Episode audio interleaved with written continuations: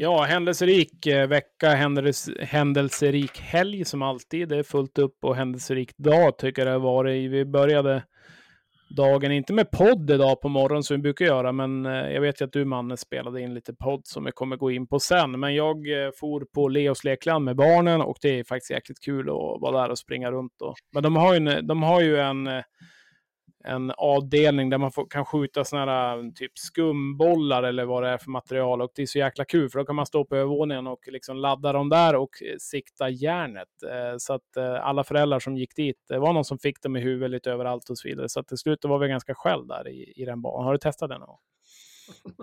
Nej, så du ställer dig alltså med en sån här machine gun för, för mjukbollar och skjuter på andras barn?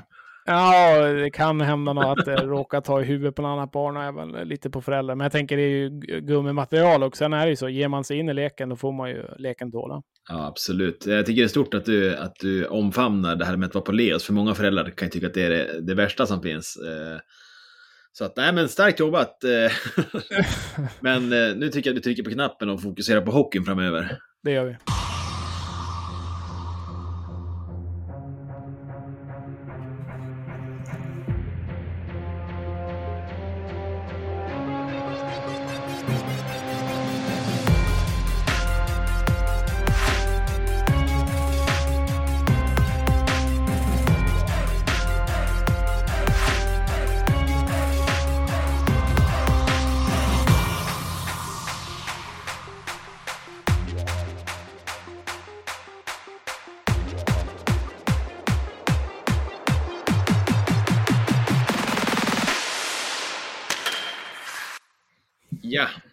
Den. Man känner alltid när man hör den där jingeln att den går ju stolpe in. Eller ribba in där man hör det klinget på slutet. Kanske som Jussulas avslut. Ja, lite så. Eh, du, i, den här veckan, det är ju alltså sista veckan innan det blir vintertid. Och när det blir vintertid, då är det ju kolsvart ute. Ja, och så vrider man tillbaka klockan en timme också, så då kan vi podda 06.00. Ja, nej men det jag menar är att eh, ska man göra någonting på kvällarna nu, utomhus eller så, så får man passa på. För sen är det kolsvart fram till i vår. Och det är ju vad det är. Lite deppigt kan man tycka. Men då är det kul att det finns hockey och sånt där som lyser upp vardagen som man kan få fokusera på. Och idag har vi verkligen ett fullsmetat avsnitt. Vi har gäster som kommer på besök och ja, det här blir verkligen, vi får hålla högt tempo idag Jesper. Ja, verkligen. Och eh, jag har ju bokat in någon form av innebandy här också snart. Så att eh, vi har, det är som alltid, det är vi kör med eh, andan i halsgropen och bara försöker kämpa på. På tal om eh, hockey så såg jag att Vita Hästen, som nu är över div 3, va, vann mot Linköping Mighty Ravens med 9-1 och det är, väl, eh, det är väl kul att de vann det, men ändå 1849 publiken och snitt efter tre matcher 1837. Det måste jag säga att vi lyfter på hatten för. Ja, det är ju högre än flera lag i Hockeyallsvenskan och jag tänker att Vita Hästen, vi måste ta ett grepp där snart och eh, slå dem en signal för att se hur resan uppåt i seriesystemet eh, ska gå. Men om vi ska snegla lite grann på våran serie så ska jag vilja lyfta upp Brynäs som var dagens första punkt. De de är nu serieledare och eh, jag tycker de har börjat få upp farten. Eh, bortsett målvaktsspelet kanske så tycker jag de ser stabila ut. Vad är dina känslor kring deras säsongsinledning? Ja, nej, det var någon jag pratade hockey med idag när vi var på Leos. Jag kommer inte ihåg ens vem det var, men eh, hockey vart det snack om och det blir väl så när man har en keps med något lag på, då blir det hockey. Men eh, ja, Brynäs är ett sånt här lag som eh, kanske inte har imponerat, men de ligger ändå ett etta. Eh, och eh, det är ju fan det, höll jag på att säga, för att det är ju ännu ett lag som kommer att kicka igång och det kommer eh, bli ännu mer smort i det där maskineriet och Jordi Ben ska in och eh, målvaktsspelet kommer säkert bli bättre. Nu vann de i sist även med 2-0 mot Östersund. Eh, så att eh, min tanke på Brynäs är att det har ju inte sett så superbra ut. Jag såg när matchen de mötte Tingsryd borta och då tyckte de var helt överlägsen. Sen kom Tingsryd in i matchen, men de har ju en väldigt hög potential och ett väldigt bra lag. Så att jag ser Brynäs som fortsatt eh, stor favorit till att gå upp eh, längs våren. Själv då? Ja, men de hade en, häftig match där mot Djurgården. Då de, ja, men gjorde fem mål i sista perioden och, vände underläge till vinst eh, 7-4 till slut. Eh, Ja, de liknar ju HV ganska mycket när de kom ner. Jag trodde inte heller att de skulle ha den här uppslutningen som de har på matcherna. Det är faktiskt folk i den där Monitor ERP Arena. Något som det inte varit på, på flera år, så att ja, det där kan bli otäckt. Vet du vad jag stör mig på jättemycket med Brynäs? Nej, berätta.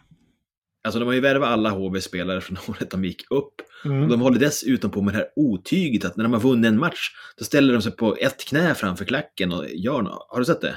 Nej, nu vart jag förbannad känner jag. Ja, men det, för, exakt så där gjorde ju HV också. Och vad, ja, vad är grejen?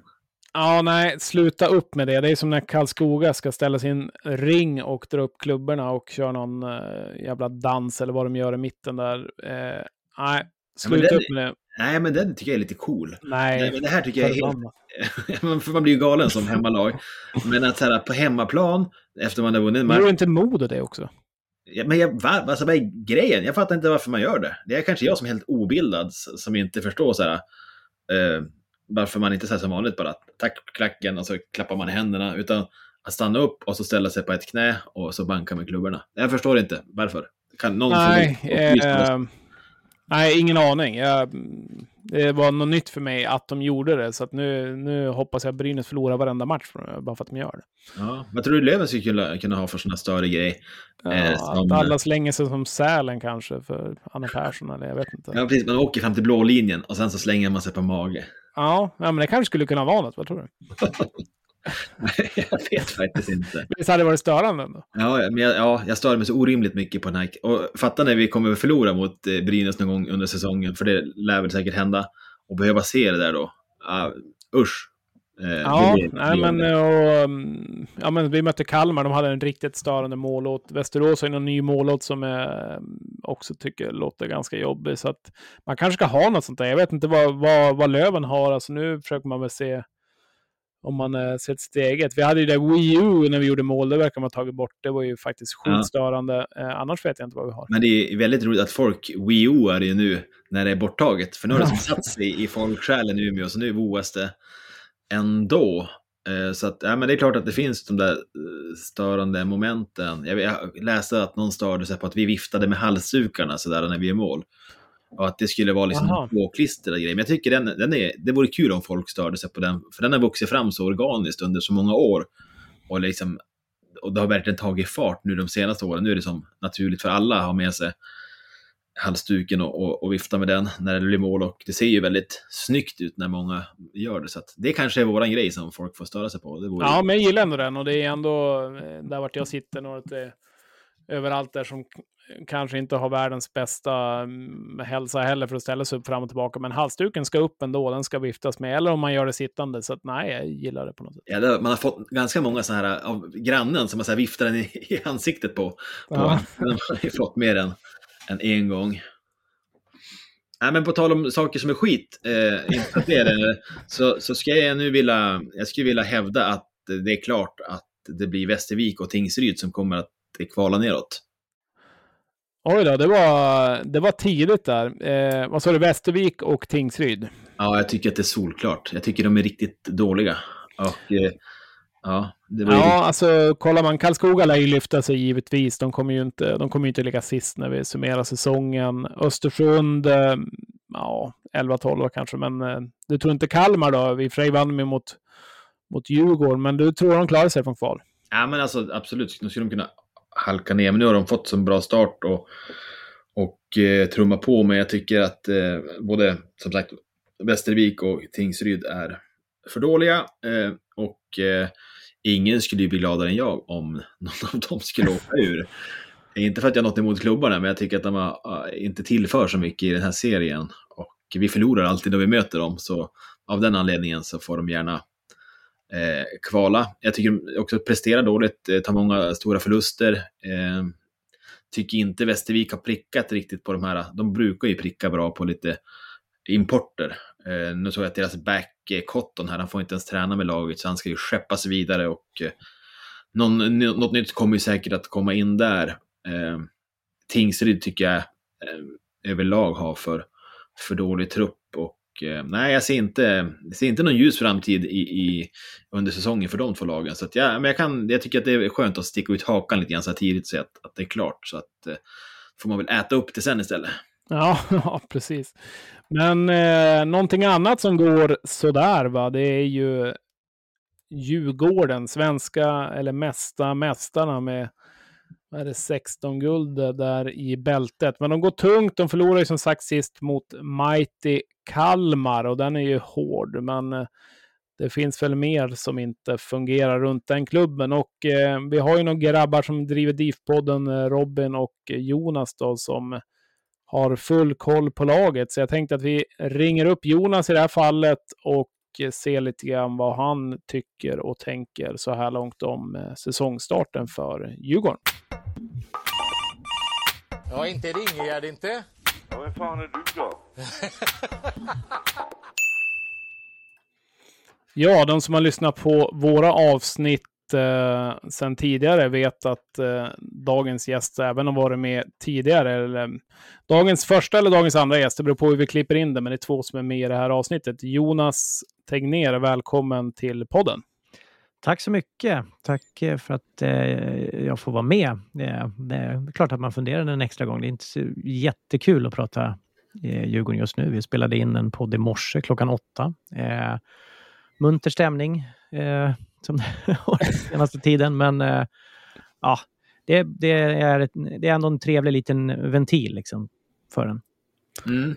Nej, men om vi ska plocka upp eh, läget där vi är nu i Djurgården till att börja med så har ni haft en, en tung period här. Så vad, vad ventilerade ni där i morse då? Om ni ska snacka igenom nuläget och det som händer och sker. Ja, alltså det vi pratade om just då, det, var, det, blev ganska mycket, ganska mycket brett också. Eh, i, alltså framtiden för Djurgården, för det är ju inte bara de här två matcherna nu då, om vi tittar på de senaste när vi har släppt in 13 13 kassar på två mål mot Brynäs och mot eh, Kalmar här nu i, i lördags. Utan det, vi, vi står ju inför en ganska osäker framtid faktiskt. Eh, med tanke på att det ska tillsättas en VD och det ska tillsättas en sportchef också. Eh, så att det, ja, man, man väntar lite grann för att veta ungefär vilket mindset man ska ha inför, eh, inför fortsättningen av den här säsongen.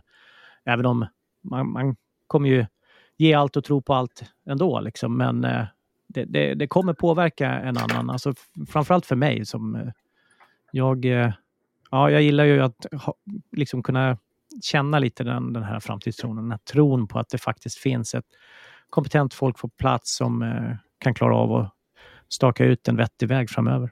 Mm. Nej, men jag förstår, det där är väl en, en av utmaningarna för, för Djurgården just nu, att det har varit en lång tid med lite instabilitet på, på tränarsidan och, och det är väl KG Stoppel som har varit den röda tråden i, i den där föreningen över lång tid. Vad, vad, vad, vad ser ni för, för framtidsnamn då man spekulerar och sådär? Vad, vad finns det för önskemål kring, kring de här ja. nyckelpositionerna? Ja, förra gången vi spelade in så hade Robin plockat fram ganska många namn. Han hade haft lite roligt där och tagit fram delvis ett par eh, ganska välkända namn och sen även ett par mer ja, kanske större bubblare så att säga. Eh, vi kommer fram till båda två att vi vill ju gärna ha någon som har koll på den, kanske framförallt den hockeyallsvenska marknaden, men, men eh, och hur hockeyn faktiskt fungerar idag. Vad är det som krävs utav en, utav en hockeyförening, en sportslig organisation för att, för att bli framgångsrik och inte bara över de kommande tio matcherna att hitta rätt, rätt tränare och eh, kanske få in rätt spelare, utan även att eh, framöver kunna, kunna klara av att utveckla verksamheten eh, på sikt, då, liksom, på flera års tid. Och vi har ju en speciell utmaning, eller vad man ska säga, i Djurgården också. Det är att vi har ju, en, vi har ju faktiskt en väldigt bra juniorverksamhet att förhålla oss till. Eh, och det är ju någonting som, som en, eh, en blivande sportchef måste kunna hantera, kunna bolla och, och, och, kunna utnyttja också. För att det, det är ju även en potentiell inkomstkälla utöver att det är ett sätt att få in skickliga spelare till en, till en billig penning. Eh, så att eh, det, det, är jätteviktigt. Men eh, så att eh, vi kommer fram till kanske framförallt att Tony Mårtensson låg ganska högt upp på listan om det skulle kunna gå att få loss honom eh, exempelvis. Gärna han och Robert Kim blir ett litet paket. Eh, tycker att de båda verkar ja, ha gjort ett intressant jobb på hockeyallsvensk nivå. Huruvida det funkar eh, i, i Djurgårdskontext, det är väl svårt att säga. Eh, det är ju också allmänt känt att Tony Mårtensson är AIK. Det blir ju alltså, det är en, en liten uppförsbacke bara där, så att säga. Även om han aldrig har spelat i AIK eller så, men eh, det är ju definitivt som, som många tar med sig. Eh, det är kanske inte någonting jag hänger upp mig på så mycket på. Liksom. Men eh, Ja, men det blir ja. en parameter oavsett om man vill eller inte, när det finns en ja, sån bakgrund. Det, det, det, och det, är, är sånt man får ta med när man har, håller på ett lag med en historia och en rivalitet. Sådär. Jag, jag fattar verkligen grejen med, med Kimby och eh, Mårtensson. De lär ju vara högvilt för många klubbar och Mårtensson mm. har väl även uttryckt en vilja om att framöver ta över en klubb med lite större eh, vad ska man säga, potential än vad kanske Almtuna har. Så att lyckas ni knyta upp dem så tror jag att eh, att det skulle verkligen vara ett bra alternativ. För att om man bara så spontant kollar sig runt lite grann i Sverige så är det ju det är inte så att det kryllar av eh, heta sportchefer utan arbete. Utan det är ofta de som har gått på niter och liksom som inte har presterat som finns lediga. Ja, alltså det är ju det är svårt. Det är, ju, det är jättesvårt att ringa in en... Vad är en bra sportchef? Eh, hur hittar man en sån? Det är ju verkligen inte lätt. Eh, och, eh, men eh, vi, vi spekulerar lite grann kring också att det, det, kan ju vara så att det kan gå att hitta kanske en scout exempelvis som har jobbat eh, mer, eh, alltså, mer brett inom en organi hockeyorganisation som kanske har lite större kunnande. Vi bollade upp till exempel Patrik Hall som är assisterande sportchef nu i Växjö. Eh, den, det, jag tror dock att han inte är så sugen för att det är ett rejält projekt, Djurgården, just nu. Eh, det är det. Eh, sen också i... Det kan gå väldigt fort också. Det kan gå väldigt fort. Man kan få de här medstudsarna med sig och det kan börja se bra ut. Och sen just det faktum att, att vi har den här juniorsidan gör att ett, ett år så kan vi stå där med två, tre stycken eh, Liam Högrens, eh, Noah Östlunds exempelvis. Även om man ska komma ihåg att blir vi kvar i Hockeyallsvenskan över en längre tid så är det ju så att det, det blir svårare att knyta de här absolut bästa talangerna i Stockholm eh, och ha dem kvar eh, eh inom 08-området.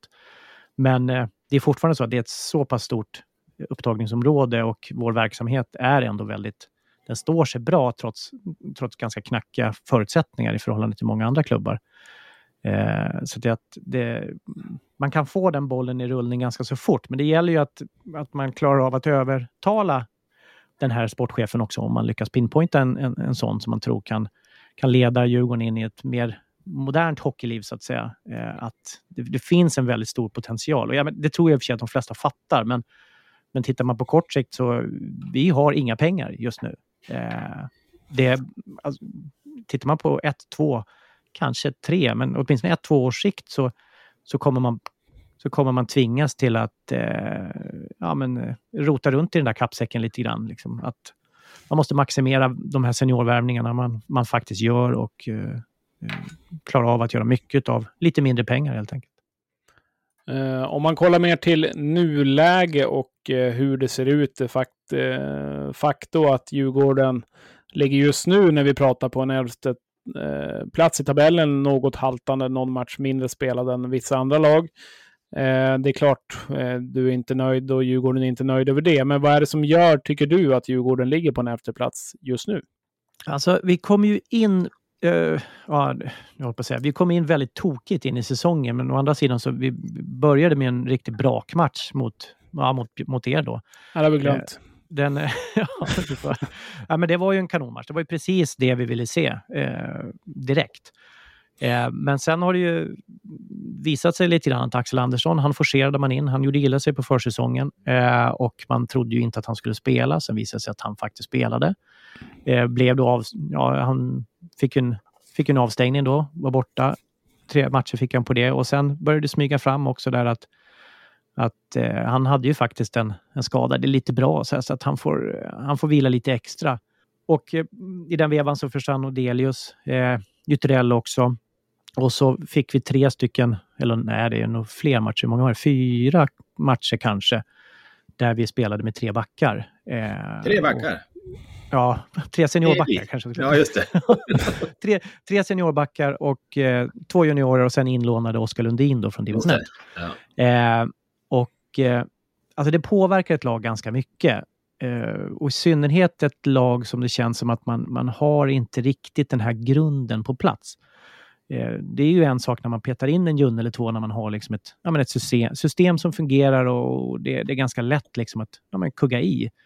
Men eh, det kändes inte riktigt som att vi hade inte riktigt kommit dit trots en försäsong som såg faktiskt ganska hyggligt ut. Vi mötte ganska bra lag på försäsongen. Eh, men det blev nästan smärtsamt tydligt faktiskt att eh, när vi började gå tungt på Kevin Karlsson, Edvin Hammarlund och Daniel Glad så eh, det räckte liksom inte riktigt till. Kevin Karlsson var förvisso han, var, han har varit bra och var bra under den perioden också, men, men han såg sliten ut sista, i slutet på, på matcherna faktiskt. Och eh, Edvin Hammarlund var i, inte mogen till att, till att logga 25 minuter exempelvis. Och Daniel Glad är inte en sån spelare heller. Eh, och då kom det igång det här. Vi, även om vi tog två segrar mot Västervik, Tingsryd där bort eh, där nere då och eh, så var det ju krampaktigt. Men även om man tog det i det läget.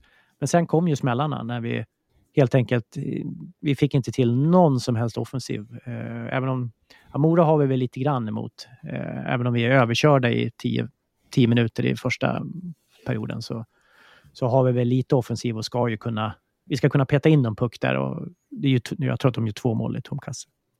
Men eh, sen rullar det lite grann på. Och när vi väl får tillbaka backar, vi lånar in Pontus Johansson där, då, då eh, slutar vi mål. Alltså vi har ett powerplay som inte har, vi har gjort ett mål i vårt powerplay eh, exempelvis och vi har målvaktsspel absolut i botten dessutom. Eh, och då är det ju ja, då är det svårt att vinna hockeymatcher faktiskt. Ja, jag förstår det. Jag, tycker, jag har också någon känsla om att det är lite rörigt i hierarkin i laget. Eh, när Garpenlöv har satt, eh, ja men plocka in Gradin till exempel, skulle mm. eh, komma in högt i laget, ha, ha misshandlat Olle Liss i någon slags eh, fjärde lina-roll lite grann sådär. Och att det känns som att eh, rollerna är högst oklara. Och då när ledaren Kryger inte är disponibel utan på skadelistan så, så känns det ganska ledarlöst eh, på isen skulle jag vilja säga. Oavsett vem som skulle stå i ett bås egentligen.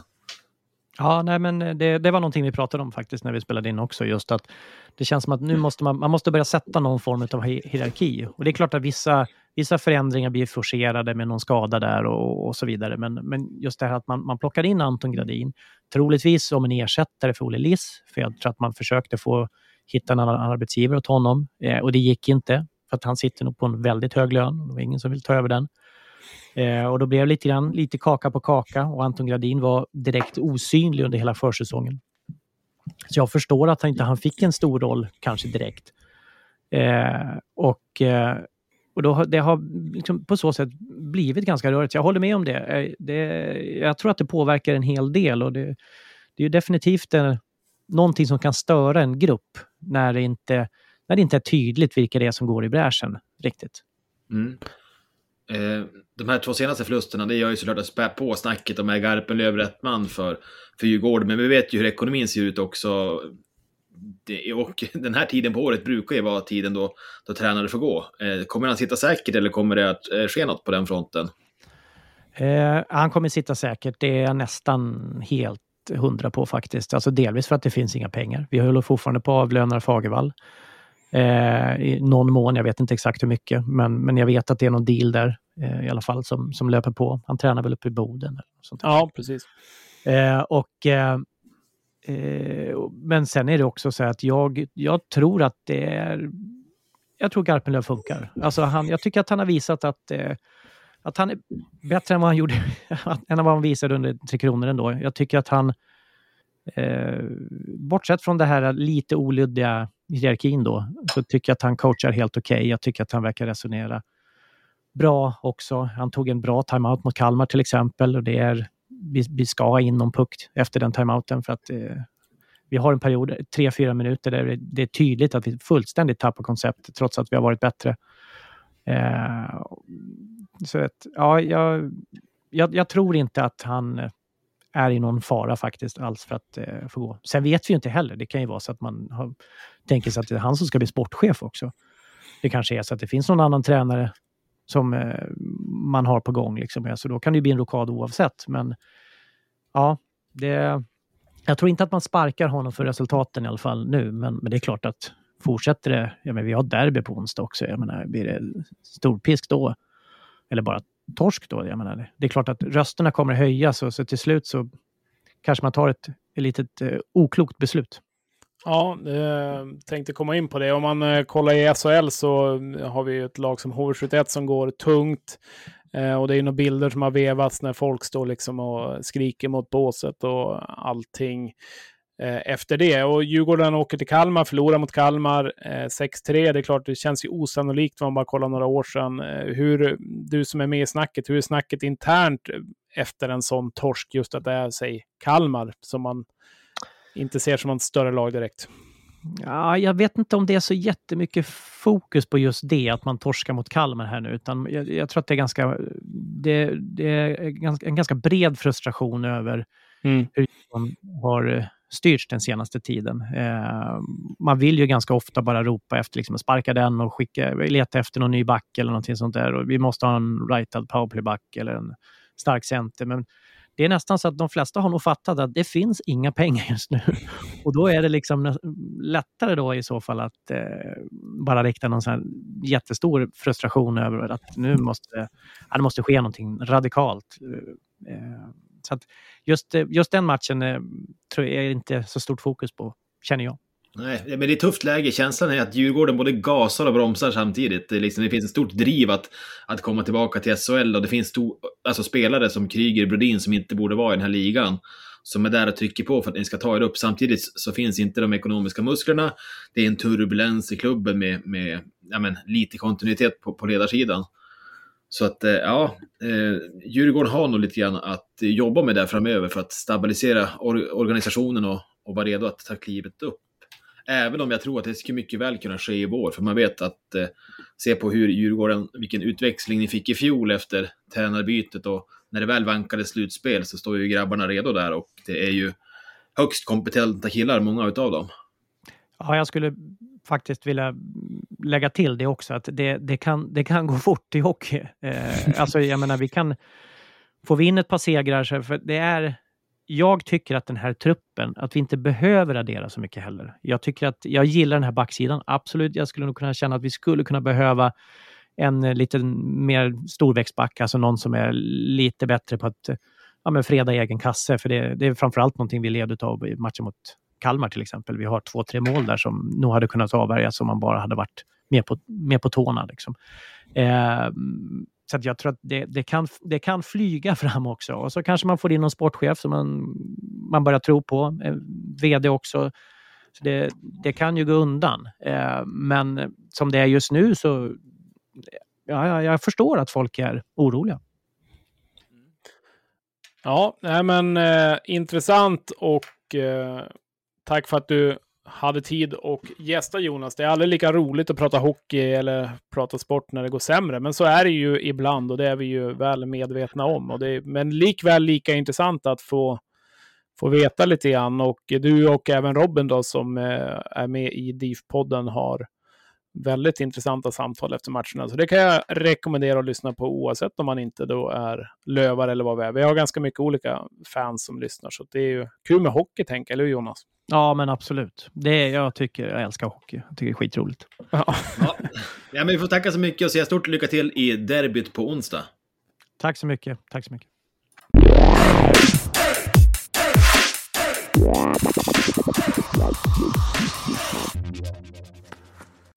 Ja, ja, ja, ja,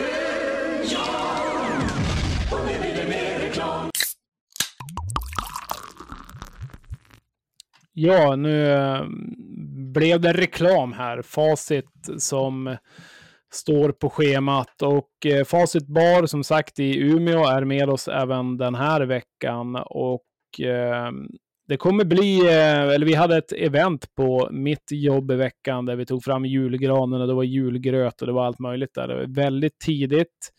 Fick man äta julmat, lite julskinka och allt möjligt där. Vad, vad är din relation till julmat, Manne? Eh, ja, skinkmacka är aldrig fel. Annars så är jag inte något... Eh, jag gillar liksom tanken av julmat, men jag tycker inte det är så himla gott eh, egentligen. Eh, men däremot är jag ett stort fan av julmust och jag skulle vilja skicka en passning till eh, Emil och Reng på facit att, att eh, sno ihop något riktigt, eh, en riktigt frän juldrink med, med julmustbas. Det tror jag skulle kunna vara en succé för dem här. För att visst kan man fira jul på facit? Absolut, det kan man göra och eh, man kan man kan göra det. Man kan äta julbord där från 22, 22 eh, november till dagen innan julafton. Så att eh, då äter man på facit där varje dag innan man tar sitt eget julbord och äter julmat även några dagar efter. Sen är vi nöjd med det och eh, de har ju lite spännande fler grejer givetvis. Så att in och kika på facitbar.se och boka in er för ett eh, trevligt julbord tänker jag. Eller vad tänker du man? Ja, det låter svinbra. Jag trodde det var färdigt där. Men jag vill säga så att boka med hela jobbet, det är en klassisk jobbgrej. Alltså, jag tror att skulle man ta med sig jobbet på facit skulle det vara en stor succé. Så vi säger tack så mycket för det facit. Det gör vi. Tack så mycket.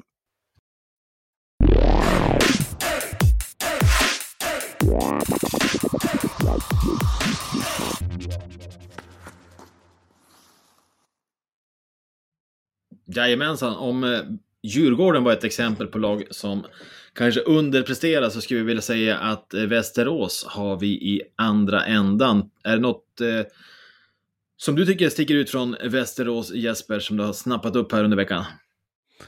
Ja, men de känns ju stabila liksom, även om de kanske inte gjort några supermatcher. Men de, de känns bra, de känns bra framåt, liksom en sån som Kyle Topping och så vidare. Men jag tycker de har ett spännande lag som, eh, som helt klart kan bli någonting. Jag satt och tänkte på dem, eh, det var någon morgon här, jag satt och funderade på Västerås och tänkte att det är så ett lag som, det är inte så många som snackar om att de kommer gå upp, men det är ett lag som jag tror nästan kan ta det steget lite grann. Att eh, de också bara lite lägger och bubbla lite grann och helt plötsligt så börjar de ändå få till saker och ting och det kan bli ett jävla drag där och jag tror Västerås blir eh, faktiskt riktigt otäcka framåt våren.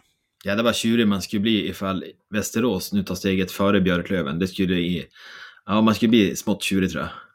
Absolut, det skulle man bli. Och det har man ju fått bli flera gånger, så att, eh, det är väl bara att ställa in sig på det. Men någon som har koll på Västerås är väl gamla, eller gamla, men eh, Kristianstadssonen Max Strömberg Melin eh, som eh, numera är scout i Västerås. Så det tycker jag är väldigt spännande, bara det. Liksom. Så att, eh, vi gjorde väl det i det här avsnittet, att vi ringde upp två stycken helt enkelt och kollade läget med dem. Du hann inte vara med på det samtalet, Manne, men eh, jag tog ett samtal till Västerås och kollade läget med Max om Västerås. Vi lyssnar på hur det lät. Ja, inte Ringegärd inte. Ja, vem fan är du då?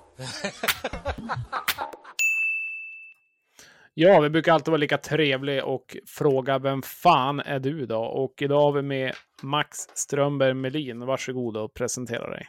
Eh, ja, eh, namnet som du sa där, jobbar för eh, Västerås som scout och analytiker från eh, Skåne och Kristianstad från början. Ja, ja, precis. De som lyssnar kanske tänker att nej, den här dialekten är nog inte från eh, Västerås. Eh, men Kristianstad, precis. Men om man börjar med det första du sa, det, scout. Eh, kollar man igenom alla hockeyallsvenska lag och liksom går in och kollar stab och allt vad folk gör, så det är väldigt få som har, har den tjänsten egentligen. Hur, eh, hur fungerar din tjänst idag, Max? Ja, men den eh, funkar väl eh, lite annorlunda förra året när eh, det var ju Patrik Zetterberg som eh, tog in mig från början. Sen eh, nu har jag flyttat upp så jobbar mer erm närmare och väldigt tajt med eh, Niklas Johansson och jobbar mer också med analys av siffror och eh, ja, video efter matcher och sånt. Så eh, mer eh, en större och mer, vad ska man säga, närvarande roll i år. Så, och sen alla nyförvärv och spelare som dyker upp som vi kanske ska värva och allt sånt. Så eh, det är väl det jag ägnar mig åt. Ja, eh, fanns det någon viss oro för egen del när det blev förändringar på, på med Zetterberg där eller var det ganska öppet eh, hur ditt fortsatta arbete skulle fortsätta där? Nej, det var väl inte så. Eh, jag hade ingen relation till eh, Niklas Alsen innan, men eh, han kom in och vi hittade ett bra samarbete direkt, så eh, då ville han eh, förlänga.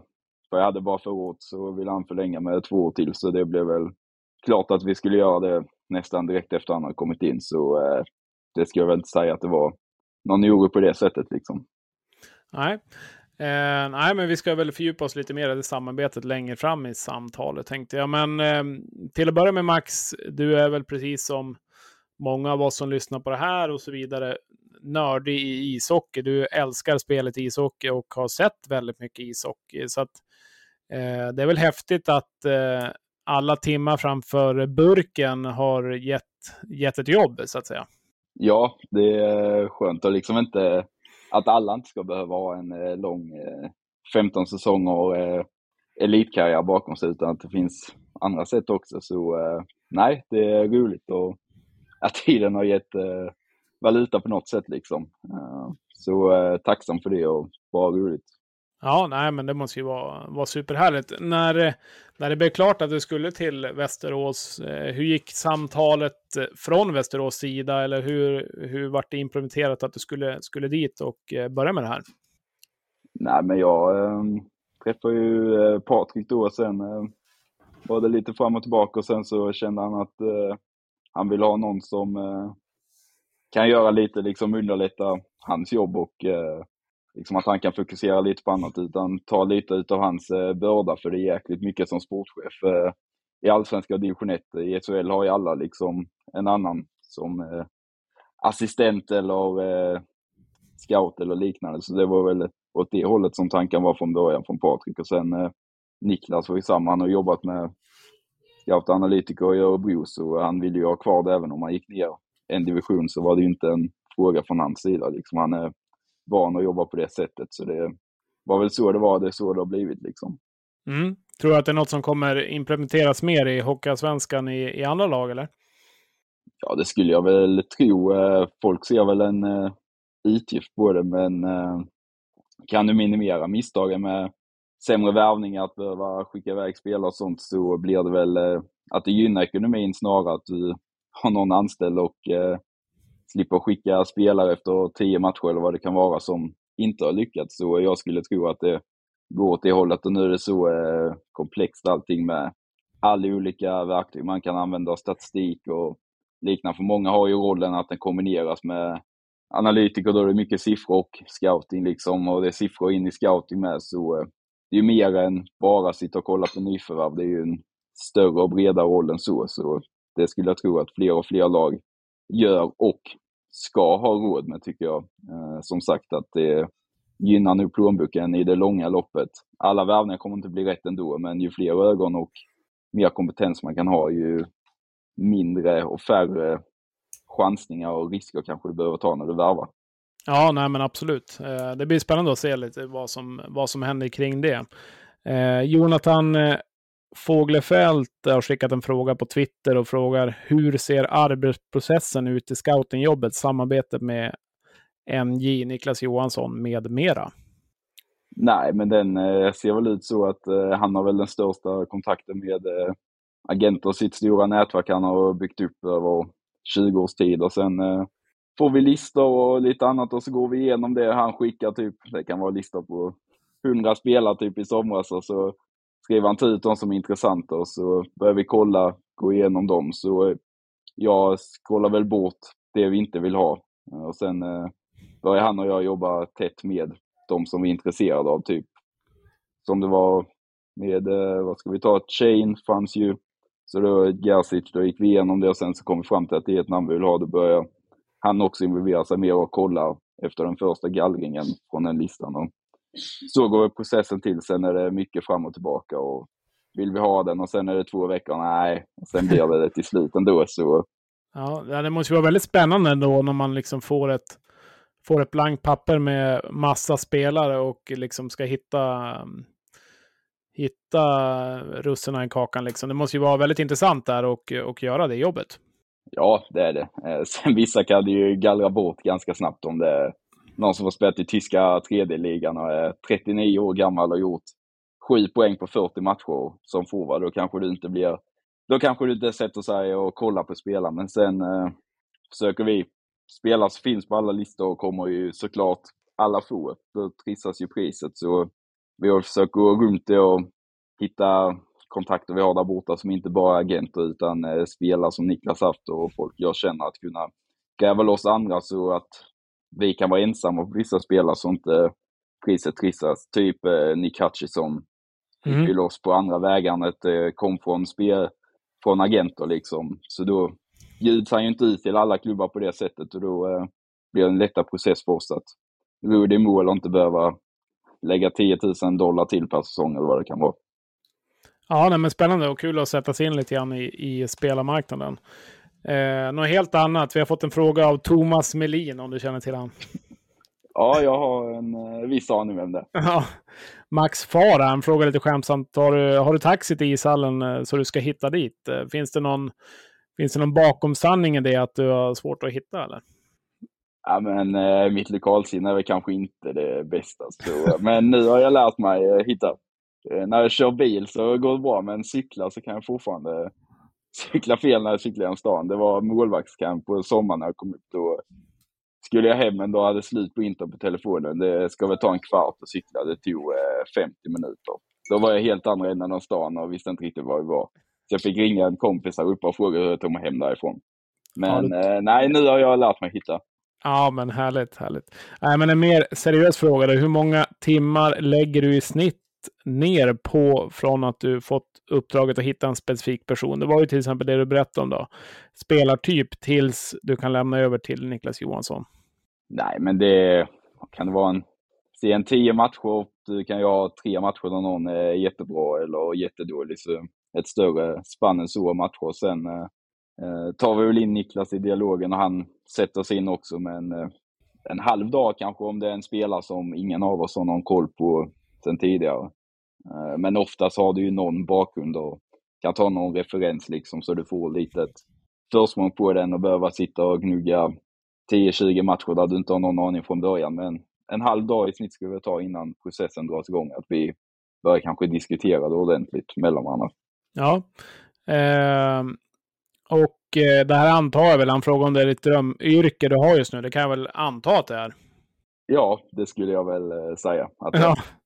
Eh, och äter du fortfarande pasta och köttfärssås lika ofta? Det är väl det och eh, pasta och bacon. Okej. är det mesta hela tiden. Ja, härligt. Eh, men om man kollar på starten på den här säsongen har ju varit bra, eh, får man ju säga. Västerås ligger på en fjärde plats och kommer ju nu från en sexpoängsvecka här just, just den här veckan. Ehm, förutom just poäng, alltså om man kollar rent bredare spelmässigt och sådana bitar. Och om du tar, en, tar ett stort brett tag på det hela, vad tycker du själv om starten på säsongen? Ja, men vi är väl eh, ganska nöjda. Vi har haft problem i starten av matcherna. Det är premiär mot Almtuna, Brynäs omgången efter, Mora borta. Eh, ja, Tingsryd, sådana liksom. AIK ska vi inte ens nämna då när det är 0-3 efter 10 minuter. Men har hittat en trygghet i spelet som vi har lyckats bibehålla 30, 40, 45 minuter av matcherna. Det är ju kunna hitta den över 60 minuter som vi söker. Sen är det aldrig bra i 60 minuter, men att hitta vägar hur du överlever perioderna där du är sämre utan att du behöver tappa in två, tre mål som vi gjorde mot AIK. Det är väl det, en mognad i laget och processen vi är i. Eh, helt nytt lag, eh, nya tränare, så vi är väl tidigt i processen men tycker ändå vi har kommit och tagit oss ganska långt redan på vad vi vill göra och hur vi vill spela hockey så sitter det ihop ganska bra och känner att försäsongen där vi mötte mycket SHL-lag och topplag från Allsvenskan gav oss tidigt ett prov på det, denna nivån vi måste ha. Försöka sätta vårt spel på ett bra sätt så tidigt snarare än att åka runt och möta division 1-lag eller liknande. Så vi känner att vi har kommit en ganska bra bit på processen men såklart långa, många steg kvar som, som vi ska ta för att kunna utmana framåt mars-april. Tja! Tja! Eh, Det är därför du inte ska ha trådlös mus. Alltså helt sjukt att musen dör mitt i samtalet. Liksom. Ja, nu, eh, det vart en eh, konstpaus där. Min eh, mus dog mitt i samtalet så att det var lite svårt att parera där. Men tänkte du, tänkte du Max att du blev ensam här helt plötsligt? Ja, det känns liksom norrlänningar läm- utelämnar en. Ja, nej, inte, inte schysst. Nej, men som sagt, starten på säsongen där. Du är, du är rätt så nöjd. Kan man sammanfatta det så? Eller? poängmässigt är vi nöjda sen. Många siffror pekar på att vi gör bra saker också, så eh, ja, vi är väl eh, nöjda. Eh, två poäng i snitt per match hittills är väl, eh, med Indien vi hade, så är väl det typ där vi hade hoppats att vi skulle ligga. Ja. Eh, vi har ju Brynäs etta, Löven 2, Mora 3 och sen Västerås. Om man kollar inför säsongen och kollar lite tippningar och så vidare från det som då ska kunna så är det väl någonstans där man tänker sig Västerås. Ehm, hur ser ni själv på er egen målsättning för året? Nej, men det är väl ganska uppenbart med eh, Gulsvart 2024-planen eh, som sattes upp för tre år sedan var målsättningen att eh, vi eh, deltar för att vi vill gå upp och eh, i grundserien ska vi sätta oss i en så bra positionering som möjligt för att göra det möjligt i slutspelet. Det är väl inte mer än så. Eh, ser du det som realistiskt att eh, Västerås eh, kan gå upp det här året? Det tycker jag. Vi har mött alla topplag. Bry, Brynäs var det dålig i första period, sen är vi lika bra som dem. Björklöven-matchen. Är vi bättre än dem i en er i 40 minuter, så vi mäter oss med de andra lagen som tippas vara högst upp och är de som ska kunna slåss om det. Så då är det bara att kunna prestera det i en sju serie match ut och match in och där tar vi steg för steg och hittar ett eh, spel som vi litar på och har mycket spets eh, i laget med som kan avgöra matcher. Så eh, det är väl fullt realistiskt känns det som. Ja, eh, om man ser till spelarna du har varit med och eh, haft finger i spelet i, ehm, eh, vilka är det? Eh, vilka spelare liksom är högst delaktig i så att säga? Får det vara hela truppen som har värvats in eller hur ser det ut? Alla spelar i denna truppen. Ja. Eh, ja det är ju de som är kvar sedan innan ja, också. Just det. De kanske kom innan min tid, men eh, alla nyförvärv. Mm. Härligt. Någon speciell spelare som du mm, känner liksom, ja men fan det där blir bra liksom? Kumarek är väl eh, svår att undgå, men det visste vi att det skulle bli bra. Sen har han kanske varit ännu bättre både på isen och eh, som människa och ledare än vad vi hade trott att han skulle vara. Eh, sen är vi nöjda med eh, vår importer Jared Mitru. Har gjort vad han eh, är värvad för och kanske mer poäng än vad han var värvad för också till och med. Det gör väl inget? Nej, det är väl bara positivt när det är så. Sen, ja. Men vi hade ganska tydlig, när vi var ute och letade våra spelare, typ Kyle Topping hade vi tydligt vad vi vill ha i vår andra tredje center, Nick Hutchison, vad vi vill ha i en andra tredje center, vår ytterforward, vi leta specifika egenskaper snarare än bara den bästa spelaren och det tycker jag syns med hur vi får ihop laget och hur vi kan bygga våra fyra kedjor och alla våra backpar. Att eh, de är värvade en roll som är anpassad för deras spel som de lätt kan gå in och spela i och därifrån kan de utnyttja sina styrkor som spelare. Så eh, det är väl ingen som har stuckit ut så wow mer än vad vi trodde. Det är kanske Kyle Topping att han är så här himla bra. Eh, över hela 60 meter. Mm. Ja, nej, han, eh, han har verkligen varit bra, det håller jag med om. Det låter verkligen som att ni har en plan per, per varje spelare, att eh, som du säger, andra, tredje center och så vidare, att de innan de kommer in så får de veta vart de förväntas vara helt enkelt. Ja, men lite så, framförallt i hur vi bygger kedjor. Det kanske är inte en tydlig hierarki vilka som är första, andra och tredje kedja, utan att i den kedjan att vi har tre, fyra tjejer som kan producera. Där vill vi ha den eh, centertypen, att vi har fyra forwards som är ytterforwards som är duktiga på att driva spel. Då kanske det saknas en till en eh, kedja. Där har vi Kyle Topping som kanske är den bästa i hela ligan på att kontrollera både utgång och ingångar så alltså att det väger upp till att ytterforwardsen kanske inte räcker hela vägen ner till att ha kompetensen att driva spelet på det sättet. Så komplettera truppen bra tydlighet i när vi har värvat, vilket gör det lättare också att kolla efter spelaren. Att det inte bara en stor jävla höstack i efter. Vi kan ganska snabbt skåla ner det till en fem, sex namn som passar på den beskrivningen jag sökt efter just den positionen i laget. Ja, eh, härligt, härligt. Vi ska väl börja avrunda. Vi har någon fråga kvar här också. Vi kanske inte hinner med alla, men eh, Edvin Lindelöf frågar vilka är de största lärdomarna efter den här våren, sommaren med scouting och spelare i AHL och ECHL? Det största är väl att det är väldigt mycket lättare att se eh, den defensiva egenskapen vi spelar, hur det ska överföras till spelet i Sverige. Det tycker jag är ganska så tydligt när man ser. Nu har vi bara värvat forwards från andra sidan, men eh, hur de kommer kunna acklimatisera sig i spelet utan puck, eh, defensiva eh, positionering, och sånt, är lättare att se vilken höjd i det offensiva som de ska kunna ha när de kommer hit. Men eh, det går ju också att urskilja, men eh, lättare att, svara på frågan, lättare att se det defensiva än den offensiva, liksom toppen de kan ha. Uh, typ så skulle jag väl säga. Är det mer för att den... Eh, eller du sa att det var lättare med den defensiva sidan? Ja, men lättare att se liksom att de kommer kunna fullfölja och följa spelet ja, över 60 meter och göra vad de ska i spelet utan puck, den offensiva uppsidan. Kanske svårare att se vilken höjd den ska kunna nå. Sen eh, har alla de vi har värvat eh, bevisat och vi vet att de kan leverera poäng och kommer, eh, vad säger man, projektet och landa in på runt där, där vi kanske förväntar oss. Men lättare att se deras defensiva egenskaper och att de lätt ska kunna överföra det än hur hög offensiv de, hur hög off, offensiv uppsida heter det, de kanske har i Sverige. Mm, just det. Eh, vi tar en sista fråga här innan vi ska avrunda. Jag skulle gärna kunna prata två timmar till, för det är intressant. Men det kanske blir, blir något senare tillfälle. Eh, Ian Trim frågar, vad tycker du om Vik som klubb och stad? Vilka är favoritrestaurangerna och vad gör du om dagarna som scout? Ja, Västerås som stad är väl eh, typ som svår, Kristianstad. Svår att hitta i bara.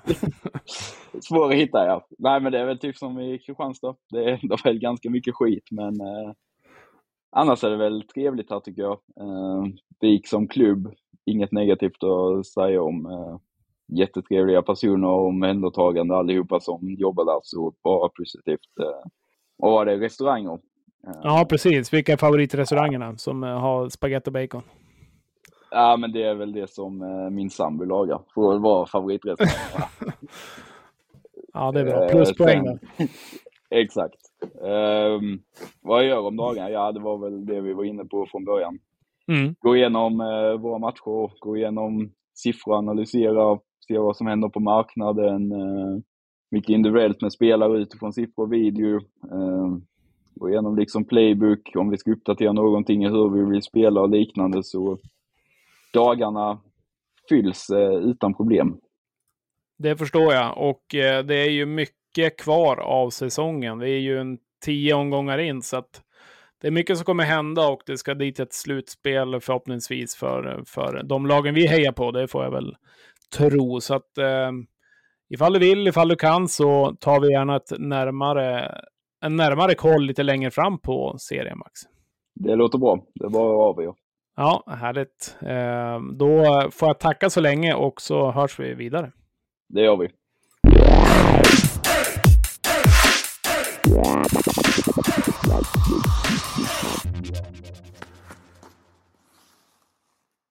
Ja, nu har vi haft med både djurgårdare eh, och då Västerås. Eh, det är ju något som är för jäkla kul faktiskt, än att vi ska sitta och babbla om en massa om matcherna hit och dit. Så att eh, det är ju mm, kul att få lite insyn som alltid. Men det säger vi alltid, mannen, men vi tycker det.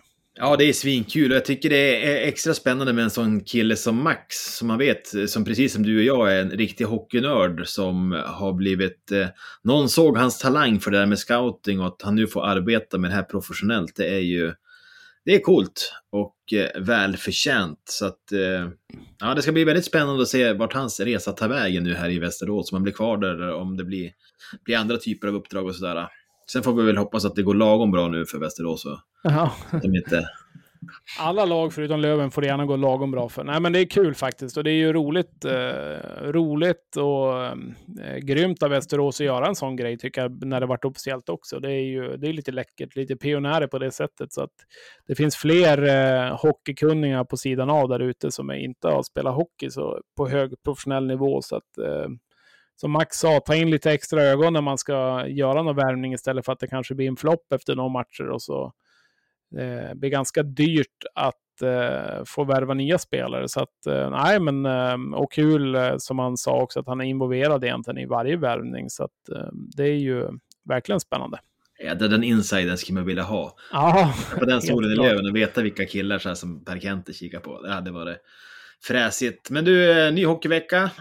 vi ska möta Östersund på onsdag och sen blir det då ett häftigt möte sent på fredag kväll. Eh, den älskade superfredagen är återigen här och vi ska möta Brynäs i Monitor ERP Arena på fredag kväll. Utöver det så är det väl Stockholmsderbyt, Djurgården-AIK, som sticker ut. Eh, ja, Du, där, där gjorde du mig glad faktiskt. Det har jag glömt på att det var. Dels för att det är superfredag, det är väl en av de som tycker det är kul, men eh, det är ju tydligen något eh, halloween-disco på fredag kväll som någon eh, stjärna har lagt schema utan att kolla att Löven möter Brynäs borta och då får ju föräldrarna så trevligt vara med här i sporthallen och sitta i omklädningsrummet och vänta eh, medans det är halloween-disco. Och det lyckas ju vara just när Löven skulle spela match mot Brynäs borta. Så att nu gjorde det mig glad att jag missar, eh, jag missar inte matchen, men jag får ändå sitta i ett omklädningsrum eh, med lite läskiga barn omkring mig. Ja, men just det. Men för då kan du ta med dig paddan eller någonting till omklädningsrummet för att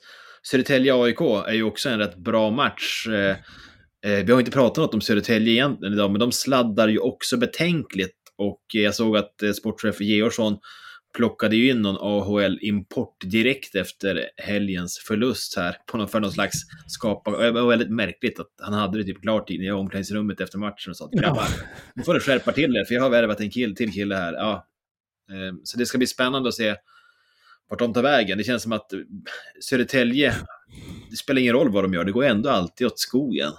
Eh, Ja, nej, de har det för jävla tufft nu faktiskt. Jag hade ganska stor tro på dem inför säsongen. De har ju ändå Videll, Marcus Eriksson. Eh, jag vet inte om du har hört någonting om Marcus Eriksson. Jag vet att han typ utgick, eh, det var någon smäll mot huvudet eller någonting. Men jag har inte läst någonting om det var Nej. något speciellt. Eller? Nej, jag har inte hört någonting. Han har ju, han har ju börjat säsongen väldigt starkt eh, och så, där, så det vore synd, väldigt synd för Södertälje om han eh, är borta. Och, och vi får väl återkomma till dem. Skulle de fortsätta de att gå kräftgång så är väl det ett ypperligt eh, spår att plocka upp till, till nästa vecka. Jag tänkte lite på jul. alla lag som det går dåligt för. Ja, men det är ju där man vill vara rota, höra, se ångesten i ögonen hos de här personerna som vi ringer upp. Ja, Jag tänker också att Djurgården kan få en tuff vecka. Skulle de nu torska derbyt mot AIK så ska de sen till Almtuna på fredag. Och eh, men då lär ju Kimby bara gnugga händerna där på fredag kväll och få ställa till det extra för dem. Så att, eh, ja, eh, intressant vecka. Jag ska också säga att vi, vi går ju nu in i en period där vi spelar två matcher ena veckan, tre matcher andra veckan, två matcher ena veckan, tre matcher nästa vecka. Det blir ett otroligt eh, tätt matchande här under november månad och eh, viktigt för, för Björklöven och för alla lag att, att hålla sig skadefria och att plocka poäng under de här veckorna. För det är alltid de här veckorna man pratar om, man måste ta poängen då matcherna kommer tätare. Så att det är, det är nu det gäller om man ska vara med då, då serien summeras. Ja, helt klart. Eh, det, det är nu det händer. Och som ni kanske märker så, så har vi inte någon veckans nej, vi har ingen veckans grej heller. Eh, kanske inte för att det inte finns någonting, men vi valde att fokusera på lite intervjuer istället och eh, eh det tycker vi är lite roligare faktiskt. Och eh, man, som vi sa i början av avsnittet så var ju du uppe tidigt. Jag fick ju faktiskt ta min sovmorgon, även fast den vart 05.30 som jag vaknade till. Men på något sätt så fick jag ligga kvar i sängen och chilla ändå där.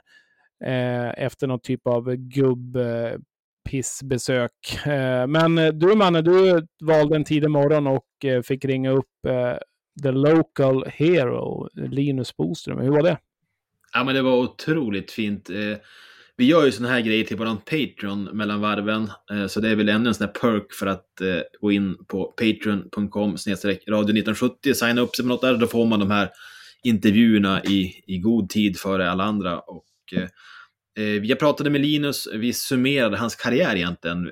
Vi pratade om allt från juniortiden till tiden efter hockeyn höjdpunkterna såklart med att gå upp i SHL, hans otroligt stora passion och kärlek till eh, idrottsföreningen Björ, Björklöven och eh, allt där kring. Så att det var ett eh, ja, men det var ett samtal som jag hade sett fram emot att få göra och det var väldigt fint och, och, och det är ju en ödmjuk och eh, eh, rakt igenom väldigt eh, fin person. Så att eh, jag skulle rekommendera alla att signa upp sig där och eh, lyssna på det här i veckan. Och det släpps nog på tisdag morgon för våra Patreons. Ja, vi lyssnar på en liten teaser från det samtalet.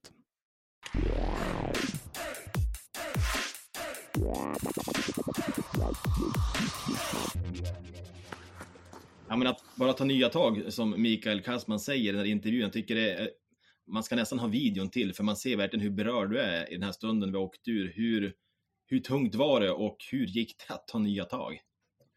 Eh, ja, men det här var ju, alltså, ja, men för mig som har växt upp med Björklöven och för, mm alltså, för alla oss som liksom lever och andas Björklöven, som jag tänker de flesta som lyssnar på det här förmodligen kan känna igen sig i så var ju, ja men de här åren med Björklöven i division 1 var ju, ja men det var ju som ett lite så här lågintensivt trauma som pågick. Eh, eh och för mig som de börjar ha en ganska central roll i, i representationslaget nu och känna att det här, ja, liksom ett, ett år till och vi liksom eh, bommade det här så var det ju, ja det var, ja det var, det var liksom sportsligt det absolut tuffaste eh, jag har varit med om.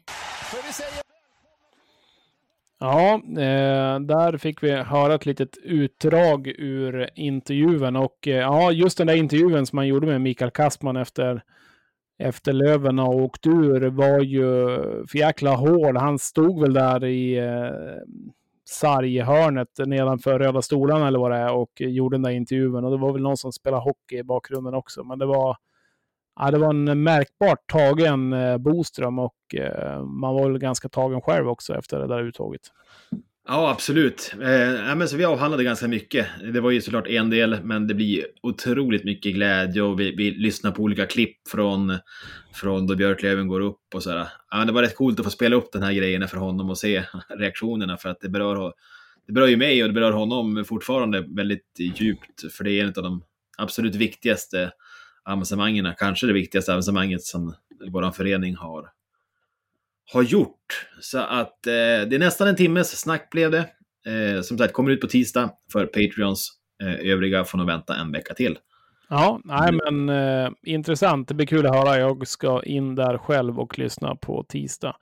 Eh, men i övrigt så kan man ju följa oss, man kan mejla oss och så vidare. Och vill man mejla oss så hittar man oss på podcast radio1970.se. Går ju även att hitta oss på Twitter, eller numera heter det väl X egentligen, och även då Instagram. Där brukar vi lägga ut lite grejer om avsnitt och så vidare. Och som Manne säger, patreon.com slash radio 1970. Eh, så ser det väl ut med det, Manne. Har du något mer att tillägga? Eh, så är det. Nej, det har jag väl egentligen inte. En sån här lite barnslig grej. När jag börjar gå på toaletten nu så är jag fortfarande en som står upp och kissar. Och då tänker jag, jag kan inte låta bli att tänka det varje gång nu.